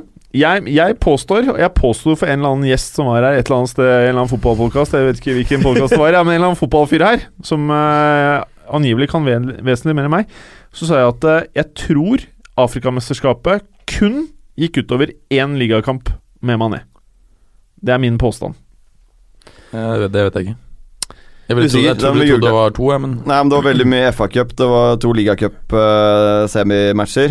jeg tror du har rett, altså. At det Ja. ikke var mer enn maks eh, to. Ja, én-to. Ja, Ja, det det var var- ikke mye. Jeg tror det er én, maks to, og derfor syns jeg alt det der uten Mané-pratet egentlig har blitt dratt ganske langt. Ja, men det her er jo fordi at han har også vært noe skadet osv. Så, videre, så det, er, det er veldig stor forskjell i hvert fall når de har han Ja, ja, ikke. Men eh, nå valgte jo da Klopp å starte uten Firmino og Coutinho også. Jeg syns det var et, en merkelig avgjørelse. De kom jo riktignok inn eh, på stillingen 1-0 til Stoke og, og greier å snu kampen. To flotte mål der. Klart det blir spennende innover her nå. Jeg, jeg har jo tidligere sagt at jeg tror Liverpool eh, greier å ta fjerdeplassen. Det var før Mané ble skadet. Blitt litt usikker etter det. Fordelen de har i forhold til um, United og, og Arsenal, er at de har et betydelig lettere kampprogram. Veldig mange av motstanderne er liksom in the middle of nowhere og har ikke veldig mye å spille for. Middlesbrough er vel et av de en, vel eneste de, de skal møte i Det er vel siste matchen. Da kan de fort være rykket ned fra før. Eh, hvis du ser på Arsenal, så skal de møte City, Leicester, Spurs, United og Everton. Ja, det er beintøft. Det er beintøft. Eh, United skal møte Chelsea, City, Arsenal og Spurs. Beintøft, det òg. Liverpool skal fucke det ganske hardt til for å ikke greie det her, altså. Ja, Arsenal ser nesten litt lost ut. De, altså, de er ikke så mange poeng bak, og de har noen hengekamper å styre, men det er jo det av de topp seks-syv lagene da, som ser kanskje svakest ut i øyeblikket. Ja. Og Det er ingenting som tyder på at de skal vinne resten. Nei, det er akkurat Sånn det er. Spesielt ikke med tanke på det, det Nei, ikke sant? Og så er det også noe som kanskje tynger litt, at man ikke vet eh, om Wenger eh, blir værende eller ikke. Eh, jeg tenker som så at hvis han hadde bestemt seg for at han skulle bli værende, så tror jeg han hadde signert den kontrakten. Fordi det er bedre ja, Slik at han, det at han ikke har signert den, og lar det henge der, det tror jeg kan være et tegn på at han, uh, hater han Jeg skal love deg han har en overraskelse ende, og det er at Moyes tar over. Tony Adams han skal bare trene litt i Granada nå. Nei, men, nei, nei, men ikke sant, og da kan du kan stille deg selv spørsmålet Um, Kanskje nettopp derfor han lar det henge der, og ryktene sier at han har et uh, stående tilbud fra PSG. Det ville ikke vært overraskende. Jeg, jeg, jeg ville tenkt at det hadde vært antagelig deilig for han å kunne få vunnet en, eh, noe meningsfylt på slutten av karrieren. Altså tatt det som en ligatittel i Frankrike og så videre. Veldig bra. Uh, Gallosen, Premier Leagues Hamburg mot Manchester United. Selv ikke United får nevneverdig trøbbel mot uh, Sunderland om dagen. Uh, kommer fra to strake uavgjort på hjemmebane, og um, man tenker at uh, her kommer kanskje en smell. Det gjør det ikke. United vinner 3-0, og de får jo litt hjelp i og med at uh, Sebastian Larsson bestemmer seg for å gå av banen med rødt kort uh, like før pause. Uh, og det at Sunderland er jo Sunderland, selv om de tidligere spilte relativt ok her og skapte litt, om ikke altfor mange sjanser, så i hvert fall et visst trøkk, så får de jo ingenting ut av det. Og da, når du har spillere som Ibrahimovic og Mkhitarian mot spillere som Ndong og Anichebe, så ender det faktisk med 3-0 til United. Og mest interessant her er kanskje at Luke Shaw, bare en drøy uke etter Mourinhos uttalelser om at han ikke engang er i nærheten av troppen, Uh, først fikk komme inn i forrige kamp, og nå starter denne, og han spiller bra. Uh, får til og med en målgivende til Mehitarians 2-0-skåring rett etter uh, at andre omgang starter, som i og for seg avgjør kampen. For Sunderlands del da, så er det jo femte strake hjemme uten å skåre. Og selv om de hadde vunnet her, så ville det ikke bare ligge under streken, men det ville fortsatt vært sist. De har nå ti poeng opp til trygg plass, og ja, hvor ja, er ikke. De angrer på det salget av Conor Wickham nå, altså, fordi det er noe sånt de trenger. Det er ganske sjukt å si, men ja. Wickham, ass. Ja, ja, ja. Pre Nei, det, det kan jo gå langt ned for Sunderland etter hvert her, da. Uh, Jermaine Men- Defoe er en som har skåret mål der de siste par åra. Han forsvinner jo uh, ved nedrykk. Er det, ja, Ja, så Han kan ja, ja. gå gratis ved nedrykk. Uh, den Det klubben der kan synke I kontrakten, liksom. Ja. Ja. Så det kan, han kan, ja, den klubben her kan synke dypt, altså. Mm. Ja, jeg, altså det, det, Jeg syns jo det er litt moro å ha Sunderland Newcastle i samme liga. Så enten så må jo Sunderland holde seg oppe og Newcastle opp, eller så må Newcastle være nede og Sunderland gå ned. Men Fordi- føler du at du får mye ut av det lokaloppgjøret der hvis det spilles i championship? Ja, ja. Du kommer til å sitte og se på det, Imeren? Ja ja, ikke tenk på det. Ja, ja, selvfølgelig. Jeg sitter klistra, jeg da. Det lukter deg å prioritere det en lørdag ettermiddag foran Real Madrid, eh, Valencia f.eks. Ja. Preben? Ja. De, hva, er det asurblått, eller er det lyseblått? Sky... Babyblå. Babyblå. De er noe jævla babyer, de der. der. Babyfolk. Manchester City mot Hull. Det er ikke så mye å si om den kampen. her Det er jo det er topplag som møter et bunnlag, og det er stor forskjell på lagene. Manchester City vinner 3-1 her. eh, enkelt, egentlig. Altså Det er overhodet ikke uventet. Det er et selvmål, det er Guero, det er Delft. da Hyggelig for han å få en scoring nå. Har fått eh, lov å spille litt fotball igjen. Før før Nokia reduserer på slutten der. Og Litt spesiell runde, da, hvor eh, egentlig hele topp ja, Topp seks har vel vunnet matcher nå, hvis vi tar med topp syv, da. Eh, minus Arsenal som spiller i kveld, så har alle tatt tre poeng eh, denne helgen her. Ah. Så det er jo eh, egentlig ingen forandring i, i toppen av Premier League-tabellen. Det er ikke så ofte det skjer. Så, men Hull er jo fortsatt da, foran Swansea etter at Swansea klarte å rote seg bort mot Westham. Og vårt nedrykkstippede Swansea ser ut til å følge tipset vårt. De fikk, jo en, de fikk jo en viss opptur etter de byttet trener. Ja. Ikke sant? Og Da så det jo brukbart eh, ut. og Det ser man jo statistisk sett at, eh, at eh, lag gjerne får, fordi de har mistet troen på treneren osv. Det er ofte en vanlig årsak til at styret tar, eh, tar grep. Men eh, nå ser det jo ganske stygt ut der, særlig med tanke på eh, hvor hotte Hull er. Ja, dette var jo et Westham de tapte mot et Westham som har vært helt grusomme de siste matchene. De har vel fem strake tap før den her. Så går det på en smell der, og nei, det virker, virker tøft nå. Så Hull ser mer solide ut enn Swansea. Ja. Så, Eh, visste dere det forresten at Hull er, eh, siden Marco Silva tok over, eh, det laget som har tatt fjerde mest poeng i ligaen? Nei. Det er ganske heftig, altså. Jeg hørte nest mest, jeg. Men kanskje før denne runden her, da. Eh, ja, jeg tipper det. Ja. Mm. Så var, det var mer impressive stats i forrige episode 100 ja. enn i denne. Men det var fortsatt ok stats. Ja, det var kjempe Jeg tror Ja. de greier seg. Og, Ja, ja, ja, men, og, og, gjør- de ikke det for hans karriere, så har han uansett gjort det så bra her at han eh, kommer til å ta steget opp til en eh, Tenker da en type West, Arsenal. Altså, Arsenal. Ja, Westham skal ha ny trener. Ja, altså, jeg, jeg tror jeg for, det, det tror jeg er en bra ansettelse av Arsenal, men jeg tror de eh, Det blir på en måte for stort steg. Men Westham perfekt. Kanskje Everton hvis Koman skulle finne på å gå. Eh, en ting, eh, folkens, som alle uh, må være med på her. De derre babyblå. Har vi sett de dårligere enn de er i år siden oljepengene kom? Uh, City? Ja. Nei. Det er er, er vel det svakeste vi har sett de, eller? Det må vel være um, siden de begynte med oljepenger, i hvert fall. Eh, de var vel ikke spesielt imponerende da de henta Robinho. blant annet. Nei, for da var det vel thailandske telepenger, da. Telekompenger. Ja, for så vidt. Det var andre penger. Men det var, eh, det var nye penger å sitte. Det var mye Telekom-penger, å sitte. Mm. De varte ikke lenge. Nei, men det er en ordentlig Altså, det er ikke, flyter ikke ordentlig for City. Guardiola har jo ikke fått det helt til her. Det er, mm. det er jo skuffende. Det er 61 poeng på 31 matcher. Det er, det er jo for dårlig for det I, i, personlig så tror jeg heller ikke han kommer til å vinne neste. Hvis du ser på statsene hans da han var trener i Bayern og eh, Barcelona, og hvordan han gjorde det mot engelske lag, så er det jævlig dårlig. Poenget er at jeg, jeg tror den, den spillestilen er det veldig vanskelig å implementere på en god nok måte i, i Premier League, så jeg tror ikke at de, de kommer til å være bedre neste år. Selvfølgelig, de kommer til å ha noen bedre backer, kanskje til og med noen midtstoppere som fungerer. Eh, men men Ikke sikkert. eh, jeg ser mer for meg at de kan kjempe om en annen plass, men jeg, jeg tror ikke de kommer til å vinne. Jeg har allerede begynt å sette opp uh, så, uh, li, nei, Tipset ta, for neste ja, tabellen for neste for neste år, ja. sånn preliminært, da, som Ja. hva som skjer. Og da har jeg, da har jeg faktisk øh, litt sånn Jeg er litt usikker på om jeg skal sette Tottenham på første, men jeg har Chelsea Tottenham er de som øh, kommer til å være favorittene mine, tror jeg. Hvis ikke de mister spillere i betydelig monn. Hvor har du Brighton foreløpig? Rett ned eller 16., eller? Ja, de har jeg på rett ned. Mm. Mm. Og så har jeg Newcastle på en øh, overraskende Eller ikke for meg, da, men på en sjuendeplass. Oh, ja. Oh, Ja. ja. Mm. De kommer til å gjøre smarte spillekjøp, tror jeg. Mja. Og så tror jeg han Hva heter han? Dwight Gale. Han kommer til å bli hot. det er ikke noe å le av, liksom. Han er hot drithot. Ja, ja. Ja. Og så kommer Junjo Skjelvi til å bli kalt den engelske Pirlo. Men uh, deler dere noe av det jeg sier nå, med, eller føler dere noe av det samme? Når jeg sier at Manchester City er det laget jeg bryr meg minst om oppi der? Av en eller annen grunn. ja. Jeg gledet meg så sykt i Pep Mourinho-greiene, men så Det har vært en voldsom nedtur.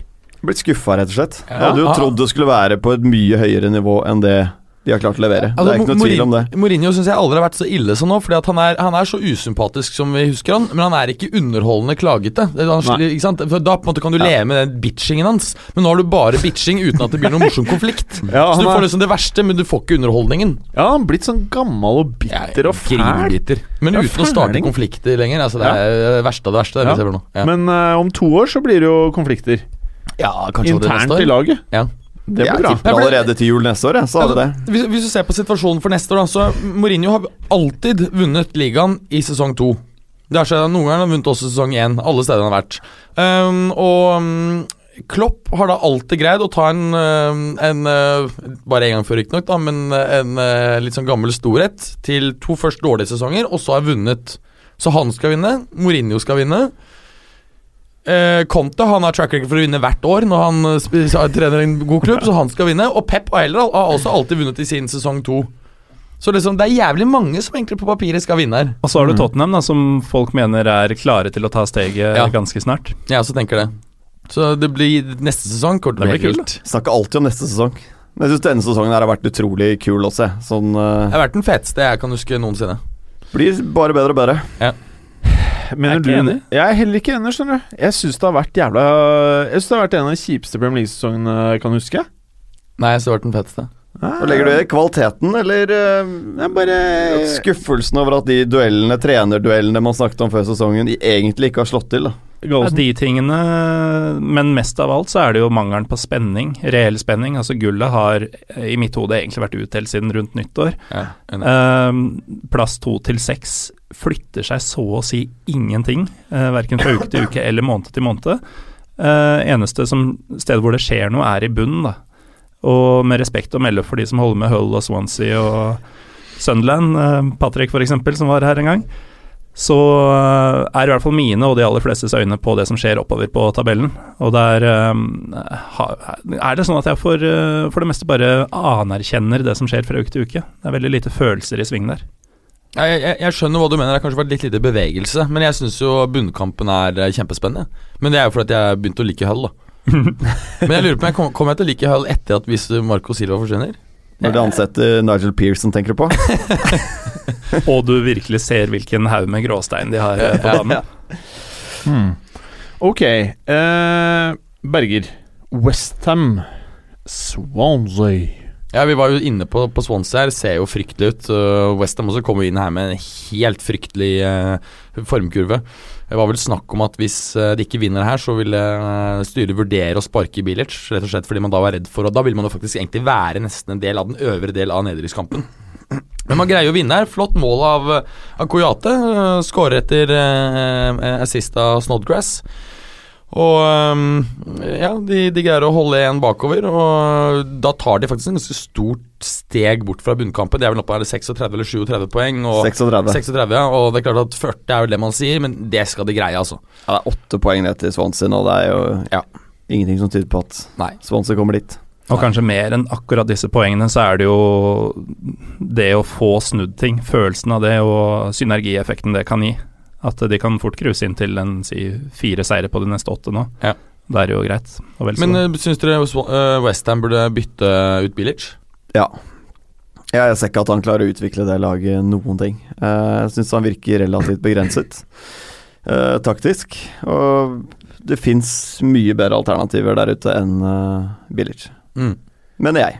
Jeg er litt enig med tanke på at det er en, så, en klubb som har ganske mye ressurser, så burde de, burde de vært høyere, men uh, Og de- stallen er ikke helt krise, Nei, nei. det han har å jobbe med. Og det er klart at Når du ikke greier å få en klassespiss som Tsatsa til å fungere, så, så har du et issue. Gallosen. Han skårte for øvrig to mål i helgen for Valencia og signerte kontrakt i dag til 2021 og er da kjøpt av Juve. Hmm. Mm. Interessant.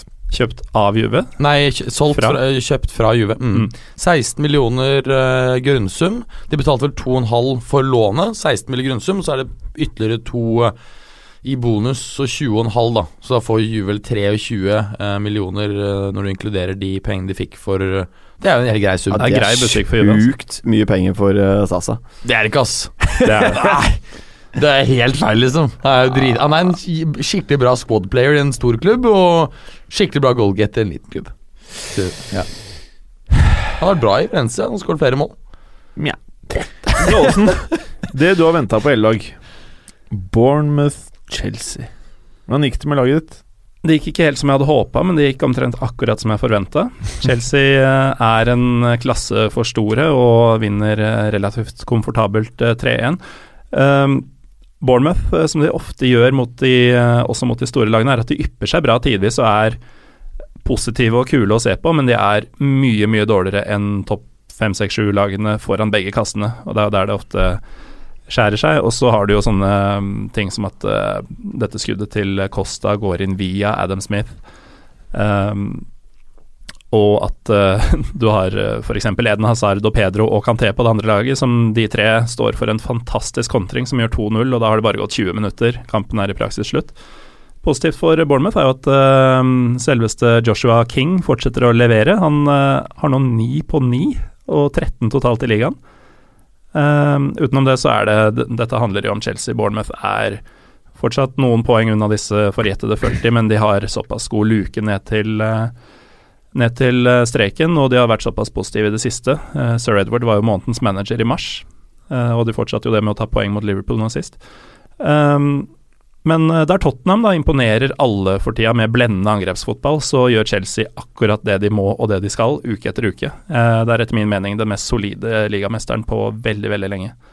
Og skulle nesten tro de var eh, leda av en kyndig italiener. Jeg er helt enig. Det er bunnsolid det de driver med, altså. Men når det gjelder Joshua King Altså vi har jo tidligere vært ikke så veldig positive til han, uh, men nå etter jul har han vært, som du nevner, ni på ni. Men, han, men han har jo blitt eh, en mye bedre spiller. Jeg, jeg, trodde han var eldre, men jeg bare sjekket Han er jo bare 25. Er han ikke 29? Nei, jeg trodde han var mer sånn 28. Liksom, men, men, da er det fair enough det å ha sitt gjennombrudd når du er 25. Da kan du ha ganske mange Men tror vi det er et blaff, eller er det liksom gjennombruddet hans? Blaff. Jeg håper han i hvert fall blir i Bournemouth. At han ikke blir kjøpt eh, for uh, latterlige millioner til en av toppklubbene. Jeg tipper sånn, eh, sånn opp til Westham-type ja, greie, og så går det rett i veggen. Altså ja. bare totalt sånn Ødegaard-greie. Bare alt er gærent. Hæ? Bare, Ødegaard kan, bare, kan bli dritgod. bare bli der du er. Og nøy deg med det, gutten. Ja, ja det er helt uh, riktig. Jeg tror uh, altså det steget opp Eh, det ville vært å gå til Westham, er egentlig bare størrelsen på klubben. Uh, se på tabellen, nå, Westham er vel to poeng foran uh, Bournemouth. Det er marginal forskjell på dem, egentlig. Og i Bournemouth så er han både blitt litt sånn dette er ikke ment som et ordspill, men litt sånn kongen. jeg hadde tenkt å ta den, skjønner du! Eddie Howe har blind tiltro til han, og supporterne elsker han. Uh, og det er også det eneste stedet han noensinne har spilt hvor han har, faktisk har spilt bra fotball. Mm. Også, Han har alt det, å tape på å gå. Jeg kunne ikke vært mer enig, og så føler jeg at dette her er en sånn klassisk greie når du har managere som, eh, eller agent, eller hva det heter i fotballverdenen, da, som eh, begynner å prate om penger, og så begynner man Å ja, hmm, kanskje Å ja, ja, det er ikke så dumt, det der. Verste som skjer, at du sitter litt på benken. Da spiller du kanskje litt mindre, da, for det er litt bedre spillere, men så igjen, da, så øker sannsynligheten at du skal vinne ting, og du vet jo prosjektet til Westham. Og så sitter han der bare Hm, ja, det hørtes ikke så dumt ut. Ja, det gjør jeg kanskje. Og så har du glemt. Men så får du kjøpe Du får ti hestekrefter mer i bilen per uh, krone tjent, eller jeg vet ikke hva jeg skulle si. Jeg vet ikke, Du skjønner hva jeg mener. Uh, så jeg tror at det går uh, Det ble med dette. Og kommer sikkert til å skåre to-tre ganger til før sesongen er ferdig, kanskje. Og så er jeg rett ned i kjelleren han skifter klubb til sommeren. Det er det som kommer til å skje. Men King, jeg vet du hører på. Bli der du er. Og så skal jeg si deg det, at jeg tror du kommer til å skåre ti mål til neste sesong også. Bli der, du. Ord. Ja, bli der. Uh, og så Du trenger ikke fem Bentley GT! Hæ? Ja. Det holder med de fire. Ja. Og så er det Sexy Palace uh, Arsenal i kveld. Hva tror du om dette her? Altså, Palace er jo ser jo bra ut, plutselig. I hvert fall resultatmessig. Jeg tror kampen er uh, relativt åpen, for å være helt ærlig. Men dette er en av de Jeg digger kveldskamper på, på Sellers Park. Det er så sykt god stemning der. Så det kommer til å bli uh, Dette er ja. på topp fem-listen over kamper jeg har hatt lyst til å se i uh, England i år. Akkurat denne, eller? Uh, ja, akkurat, ja. Den, akkurat, den, akkurat, den, Jeg tror det kan bli en kul kamp. Arsenal pleier å være bra på, på Sellers Park. Um, topp ti, da. Ja. Nei, jeg jeg, jeg syns den virker ganske åpen, jeg. Ja. Helt ærlig. Palace uh, ser uh, en del bedre ut. Uh, har gjort siden januarvinduet. Fått inn Mamadou Sakho og mm. fått orden på sakene. Uh, Arsenal er, som vi har nevnt tidligere de, de, henger fortsatt med der oppe, men det føles ikke som om de har gjort det på en stund. A club in distress, eller? Som sønnen skriver? Nei, men eh, jeg tenker at denne kampen er egentlig skreddersydd for Palace. De er litt på opptur. De kommer til å ha ekstra fulle fans med seg på denne eh, lille trykkokeren de har nede i Croydon, eller hvor det ligger. Og eh, jeg tror faktisk de uh, kommer til å gi kamp. Jeg tror Palace tar det. Ja. Jeg bare håper ikke Palace tror de nå er trygge. Altså Det er tre Det poeng ned, Det eller hva det er for noe. Jo, de har bare tre poeng ned til Swansea, så, så de er jo fortsatt nødt til å ha to-tre seire til eh, denne sesongen her. Uh, ja, men blir de for selvsikre her, da, og tror at de fem strake seierne her eh, gjorde Men, men, da altså, blir det 0-4. men altså, hvis, hvis Arsenal ikke, hvis ikke Arsenal vinner den her, da mener jeg at da er det Da stuper oddsen, eh, eller sjansene for at de skal greie å ta seg til Champions League, altså. Det gjør de. de da, da er de på en eh, måte nesten sånn Jeg skal ikke si at det er non-existent, men de, da begynner det å bli 20 sjanse eller noe sånt, i min bok. Jeg tror det går helt fint. Palace har tre poeng, og Arsenal tar topp fire. Tror du fortsatt de skal ta um, andre, andreplassen? Ikke, kanskje ikke andre, sånn som det ser ut nå, men topp fire, tror jeg. 14 poeng. Det Ja, men du kan mener det? Du tror fortsatt på topp fire? Ja. Ok, jeg gjør det. Eh, litt Champions League, eller? Ja. Kose oss litt. Ti minutter. Gjør det. Ti minutter CL. Eh, Dortmund-Monaco, som mest sannsynlig blir eh, rundens kamp. Eh, her har du både eh, Red Bull-ligaen og Prompeligaen mot hverandre. Hvordan kommer dette til å gå? Nei, som du sier, eh, det eneste jeg er sikker på, er at vi kommer til å få to fantastisk underholdende oppgjør. Eh, Det er to lag som nok, hvis de legger sjela i det, evner å forsvare seg, men jeg tror ingen av dem har lyst til det. De vet begge at sin store styrke ligger i angrepsspillet, og de kommer til å gå for det. Og begge lagene har også kontringsstyrken til å prøve ordentlig eh, Altså for full kraft i bortematchene. Så um, jeg håper Kanskje litt hardt å si at man tror, men jeg håper på 4-3 til hjemmelaget i begge kampene og ekstraomganger. Ja. Det hørtes jo litt morsomt ut, da. Så håper vi at CDB spiller med gaff og teip rundt uh, blindtarmen. Men det er jo nesten alle de, de matchene her, Det er jo helt åpne matcher. Altså Du kan si at Atletico Madrid er jo relativt stor favoritt mot Leicester, men uh, her også det er nesten umulig å skille de lagene her. Vi snakket vel om rett etter trekningen at uh, de fleste av oss her har Monaco som et knepp bedre lag kanskje enn Dortmund. Men det er, eh, som du også var inne på, vel, med erfaringen til Dortmund i Champions League osv., så, videre, så er dette her eh, Det er helt åpent. Mm. Jeg tror det blir dritgøy. Ja, det her hadde ikke vært for uh, Paradise Hotel, så måtte vi ha satt oss ned alle mann og sett dette sammen. Eh, Juventus-Barcelona, hvem vil ha lyst til å ta den? Jeg kan gjøre det. Ja, Nei, jeg, jeg, jeg 1-0 til Juventus. Nei, jeg, vet, jeg tror de må prøve å score mer enn det. Og så um, tror jeg de også vil selvfølgelig fokusere på å ikke slippe inn, uh, ikke slippe inn mål. Uh, Barca har jo ikke hatt noen veldig god borteform eh, siste tiden. Uh, har faktisk ligget under enten til pause eller til full tid i fire av de fem siste bortekampene i CL. Så de er ikke like tette bakover. Juventus har heller ikke tapt på hjemmebane siden august eh, 2015 i noen turnering. Så er det klart at uh, Higuain, som jeg nevnte tidligere, har, eh, har, han er i knallform. Fire mål på siste to matcher. Har også skåret tre ganger mot Barca da han var i, spilte i, eh, i Madrid. Jeg tror Juventus må ha minimum 2-0 for å ha en decent sjanse for å gå videre her. Eh, men jeg mener at over to kamper så er det faktisk ganske åpent, selv om man sånn på papiret kanskje vil tenke at eh, Barca er eh, marginale favoritter. Skal jeg fortelle hva jeg håper på? Og det er det motsatte av hva jeg hadde håpet på for eh, ti år siden. Jeg håper på 1-0 i Italia, Hvorfor det? og så håper jeg på 0-0 i eh, Spania. De bare snører igjen sekken og ser blodige Chiellini stå der i Ja. 85. minutt. Ja, Og... sånn Turban f full av blod og drit som bare svaier frem og tilbake. Bare sånn gørrtaklinger. Ja, men det, det tror jeg ikke. For jeg tror uh, At du ikke Juventus er- ser det hvite men- Juventus-drakten lenger. Det er bare møkk og grønske og albuer Ja, og altså, utvisninger. Men altså, liksom, Barca, Du går ikke an å mure igjen eh, mot Barca, det er bare å glemme. Du må kjøre den der eh, det. knallhøyt press, og det er det eneste som funker. Hvis du lar de spille Ja, du kan ikke legge deg rundt Nei, nei, nei, 16-meteren. Det er bare å glemme. ikke. Ikke Jeg, sant? jeg håper det er det som skjer. Jeg håper de får ja, da vinner jo Barca 5-0, da. Det, dessverre. Nei, men jeg er enig, jeg har Juventus som en knapp favoritt jeg, i, det, i det oppgjøret her. Altså Over to matcher, da, så Mm. tror jeg Juventus eh, faktisk klarer å slå Barca. Så dårlig syns jeg Barca har vært etter deres standarder, da, eh, siste ukene. Men det er jo dette veldig ujevne. På de, Ja. Hvis de Ja, ja. ruller opp på sitt beste, så, så kan de jo Men de vant jo 6-1 mot um, mot PSG, så de, de kan jo klikker, fortsatt, ikke sant. Hva tror du skjer, eh, Gallosen? Jeg er redd for at eh, den eh, 6-1-seieren eh, som Berger nevner, var eh, katalysatoren. Det som satte i gang eh, Barcelona på ordentlig i Champions League denne sesongen. Og har jeg rett i det, så går de rett til finalen Ja. og moser Juventus. Jeg håper eh, det blir tett, og jeg håper at eh, jeg tar feil. Men eh, jeg tror Barcelona er, er ordentlig i gang.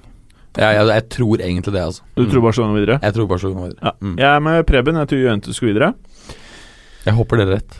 Ja, du burde jo håpe det. Men jeg spår på to På to oppgjør, ett mål.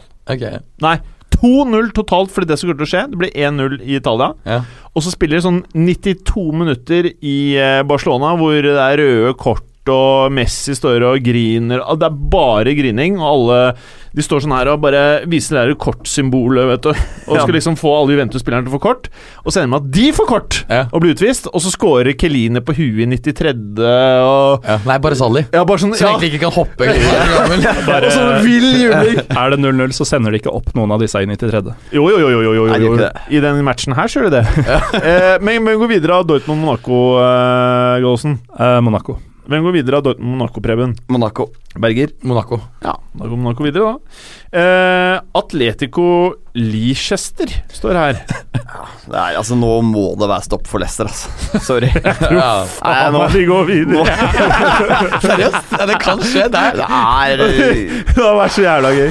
Jeg har så lyst til å ha det navnet til Shakespeare på den lista over Champions League-vinnere. Ja, det har vært kult, men eh, det er det verste Leicester kunne trukket av alle de lagene som er igjen, tror jeg. For de møter jo Uh, folk som spiller på nøyaktig samme, samme grunn, grunnfilosofien i spillet, da. Eh, men, men Atletico er jo Spiller for spiller er det jo et mye, mye bedre fotballag enn Leicester. Så det skal jo ikke være mulig, men, uh... Men det er ikke nettopp derfor eh, Leicester kan ha mulighet. Fordi at uh, Atletico kommer til å ikke spille på sin typisk karakteristiske måte å ligge så dypt, så de kommer til å prøve seg mer fremover. Og det gir Leicester mulighetene til disse kontringene. Se på Ja, jeg skal ikke tre si noe mot det. Altså det tre Vardø-skåringer og tre assist i Mares, da. Ja, det hadde vært sjukt hvis de klarte dette her, Leicester. Men uh, Atletico Madrid er jo store favoritter i utgangspunktet. her. Ja. Og så er jo West eh, Nei, West Morgan er jo skadet, og da er det jo han Han er eh, engelskmann, mener du? Ja, han som um, Harry Redknapp mente at ka kanskje han blir for gammel til å debutere for England. men så ville han gi 29, 29 landskamper for, for Jamaica. Ja. Nei, men um, Ben Alouan, som, eh, som ikke spilte en eneste ligakamp uh, fra start i fjor, og som er betydelig dårligere enn West Morgan, på tross av at han ikke er verdens beste. Han skal jo da spille fordi West Morgan er skadet, og det gjør jo at eh, det er jo ikke akkurat beste forsvaret Leicester kommer her. Leicester går ikke videre. Blir det Chilwell på venstrebekken også, eller?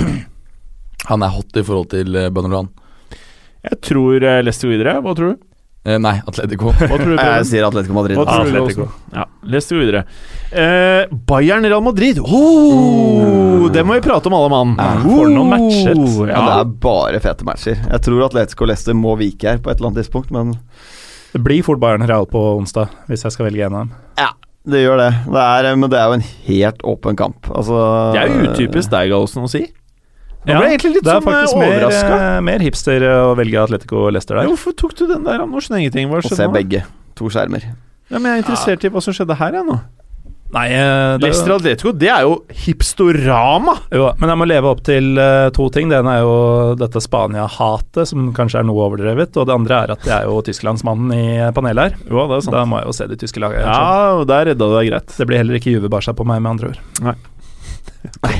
Eh, ja, hva tror du, Berger? Uh, Bayern Real? Ja. Nei, jeg, jeg har helt fra um, høsten sagt at jeg har Bayern som favoritt til å ta Champions League, og det har jeg nå også. Jeg tror Bayern kommer til å vinne. Men det er klart at det vil bli mer eh, komplisert hvis eh, Lewandowski eh, viser seg å ikke være i form til første kamp. Men jeg tror de vinner, jeg tror de vinner likevel. Ja, altså, vi har jo vært inne på at kanskje keeperduellen her da, kan bli avgjørende. Keller Navas har vært dårlig. Ja, men han har vært Eh, mye bedre sist. på, Han var faktisk veldig god, syns jeg, mot Atletico i helgen. Ja da, han har blitt bedre, men han er fortsatt et usikkerhetsmoment bak der. Altså, Noyer er jo en bedre keeper. Ja, ja, absolutt. Så nei, ingenting som skiller de lagene her, altså. Jeg tror det blir tilfeldigheter, og kanskje det nettopp er Ramos da, som skal sende Real Madrid eh, videre her. Ja, Du tror eh, Real går videre? Ja, jeg tror faktisk Real Madrid tar det. Jeg vet ikke, altså de ballene er ordentlig, ordentlig knadd nå. Mm. Det, var, eh, det var en gjeng som trodde veldig på det de driver med som valsa over eh, Dortmund uh, forleden dag. Um, jeg tror spesielt denne første kampen i München så skal ja, det skal koke godt rundt ørene på Keylor Navas. Og Mm. han skal spille eh, sin beste for sesongen, om de skal komme fra med et godt utgangspunkt. Ja, enig. Og, også, men du, plutselig er Müller også i form igjen. ikke sant? Altså, Her er det på en måte alle brikker har falt på plass helt på riktig tid i sesongen. Det lukter Altså, så det du prøver å jævlig si nå, er at eh, Carlo ikke bare har han eh, massert eh, baller forfra, men han har nå lagt de oppå massasjebordet med huet ned og stumpen opp. Ja. Dratt ned shortsen og tatt vaselinen og bare smørt inn de andre ballene òg nå. Ja. Så nå er det fire baller under smøring. Ja, det er det. Ja, da er det vanskelig å slå det, men ja, jeg tror Shinedin Shida Jeg så Har dere sett den Fifa-dokumentaren som ligger på NRK? Nei. Jeg er veldig på dokumentarer i NRK her, da. Ja, du er ja. Eh, der prater du jo veldig mye om korrupsjon, selvfølgelig. da Mm. eh, Og det jeg hadde helt glemt, for jeg hadde lest dette her Men jeg har helt glemt at Zinedine Zidane tok imot cash fra Qatar for å bulle Qatar-VM. Eh, altså Han var med på masse reklamefilmer og alt mulig sånn. At Qatar er det ideelle stedet å ha det. Eh, ikke, kanskje ikke Qatar, men den delen av verden, da. På tross av rapporter om at det er altfor varmt å spille fotball. Mm. Så jeg tror at Zidane har mer kynisme enn det folk aner, og at det nå Nå starter det! Nå skal det faen meg bli mål, tror jeg han sier. Nei, så jeg tror at Real går videre. Og jeg er vel den eneste i panelet som tror det. Jeg er heller mot Real Madrid hvis jeg må velge her. Men det er, som jeg sier, det er marginer som avgjør det, det oppgjøret der, altså. Og Ja. du, Spania-entusiasten? Nei, jeg, ehm, jeg tror Bayern tar det i første matchen. Over to, så jeg, jeg får stå på Bayern, men det blir veldig, veldig tett. Jeg kan si at Gareth Bale var dritdårlig i helgen mot Mm, Atletico mm. Madrid. Uh, så de er uh, nødt til å få han opp på normalt nivå hvis de skal klare dette her. Kan også ta med at uh, nå har jo Neuer vært ute i en del kamper. Han var heller ikke på benken nå sist. De håper å få han klar, men det er ikke gitt at han kommer til å starte eller spille eh, første kampen. Hvem er andre keeperne? Sven Ulreich. Litt vaselin og fire boller, så går det bra, det. Hvor- hvor- Hvordan er han uh, Ulreich? Han er en helt uh, ok Bundesliga-keeper og en god reservekeeper å ha, men eh, han er ikke noen matchvinner. I dette selskapet, i hvert fall. Også ikke for å glemme at vi er på episode 100, folkens. Ja, det var det. Uh! Så tenkte jeg nå eh, Jeg har et lite forsett for de neste 100 episodene. Så tenkte jeg kanskje å utfordre hver og en av dere i panelet. Har dere eh, noe dere kanskje ikke ønsker å bli bedre på, men noen mål for de neste 100 eh, episodene? Og da får du ikke så mye tid til å tenke her, men jeg starter med deg, eh, Gallosen. Jeg så på Preben. Jeg tok en Ronaldinho her. Ja, jeg så det på. Preben, og så visste jeg at jeg skulle ta Gallosen. ja. Nei, eh, nå blir det veldig på spark her, da. Men jeg er jo blitt veldig klar over, jo flere podkaster jeg har vært med også, at eh, det er veldig mye æ når jeg tenker. Det hadde vært deilig å bli kvitt. Å, det Ja, skulle jeg også At jeg har, eller? Nei, ja, nei, nei, nei, hos meg, men det er, det er sånn man, man typisk gjør i en samtale. Så er liksom, Man er så vant til det og innkjørt på sånn at Ja. Problemet i mitt tilfelle er at det er sånn jeg prater. Det er ikke sånn jeg blir på lufta. Det er mye æ når Ja. jeg prater også. Uh, uavhengig av hvilket Der kom det, forresten. Uavhengig av hvilket språk også. Jeg gjør det samme på engelsk. Men tenk deg, du sprer jo dette da videre til en kommende generasjon. Føler du et ekstra ansvar da for å bli kvitt Ja, du moser barna. Ja. Ja, men uh, til mitt forsvar så er det veldig få av de barna jeg underviser som har talespråk. Så det er ikke så mye å skade. Det er derfor du har satt Det var stygt å le av, Speger. Å, Å, fy faen, Bergeren. Du burde i hvert fall ha et par-tre budsjetter. Det er helt innafor. Jeg bare tuller. Preben, aka Jason Statham, med det derre den derre hvite T-skjorten. Nå ser det ut som du skulle være med i Fast and Furious 8 Ja, eller? eller 9, eller hva det er. Deilig. Ja, skal jeg ta deg, Berger, skal jeg ta Bergeren først? Ja, det kan gjerne gjøre det. Ja, Berger. Hva? Nei, jeg, jeg, Jeg jeg sitter i et jobbintervju. Jeg har ingen forbedringsområder. eh, mitt primærmål er å si mindre eh, Ja. Men det sa jo at du ja, men det, er- det, er, det er også tenkt som eh, Er det ja. målet?! Og så er det å prøve å være enda bedre på, på stats, huske mer, kanskje forberede meg enda bedre. Ja. Mm. Skarpere analyser. Skarpere analyser. eh, ja, kanskje bli enda bedre på ta Nei, Faen, der sa jeg eh. Bli bedre på det taktiske Ja, det er, det er mange steder man kan uh, prøve hele tiden forbedre seg. ja. Det var litt kjedelig å si det samme som Gallosen. Jeg sa jo mye ekstra, da. Ah. Det var det eneste jeg hørte, var det æ-greiene. uh, og så var det deg, da, Preben. Vet du hva, jeg skal uh, Den stemmen her er så nydelig at den trenger ikke gjøre noen ting med. Nei, nei, men øh, se enda flere fotballmatcher hver eneste uke, er målet mitt. Og så fikk jeg litt inspirasjon fra en annen podkast her på øret på vei til studio. Eh, litt mer historier, altså grave litt mer. Jeg syns også vi Fotballuka skal grave litt mer i historien til en del av de klubbene her. Økonomien i klubbene. Uh, dynamikken bak da, det man ser på fotballbanen. Bra. Det er jeg helt enig i. Mm. Der syns jeg det var veldig interessant da vi hadde Rasmus Wold og Cuba på besøk i et par episoder på rad.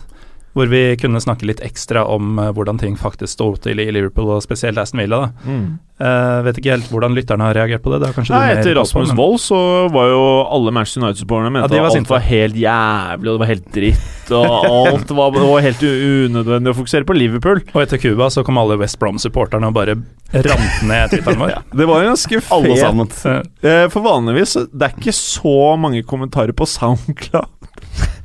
Men det var, Er det der West Brom-lytterne våre er? det var en bruker, user128 et eller annet sånt, sto bare Cuba suger midt i podkasten. Det var det eneste feedbacken vi fikk. Nei da, vi fikk eh, faktisk på Twitteren så var det mye hyggelige DM-er. Uh, som syntes at det var en eh, bra episode. Jeg er helt enig. Den type ting eh, hadde vært kult, da. Eh, Ja, for det, Ja. ja, det er mye politikk bak spillekjøp til klubber. Det er ikke det at det er fordi de trenger den spilleren for å bli bedre på fotballbanen nødvendigvis, som gjør at en klubb henter en spiller. Så det er mye å ta tak i mm. på bakrommet. Men eh, en ting som jeg har sett en annen podkast gjøre iblant, er jo å spørre lytterne på Twitter. Uh, gjerne gi, lage en poll, f.eks., på hva slags nye spalter eller fokusområder kunne du tenke deg å høre? Ja. Er det en annen podkast som gjør det? ja, jeg håper det ikke er den derre fæle Pyro Pyvo-podkasten. Fikk Mostin reklame i dag òg. Ja, fy faen, du er fæl. Jeg har fortsatt ikke sagt navnet Nei, på men du provoserer deg. Men Ja. uansett. Eh, jeg har også et lite mål, da, eh, for de neste 100. Og det er eh, Der sa jeg eh, Nummer Nummer én ha enda fetere introer.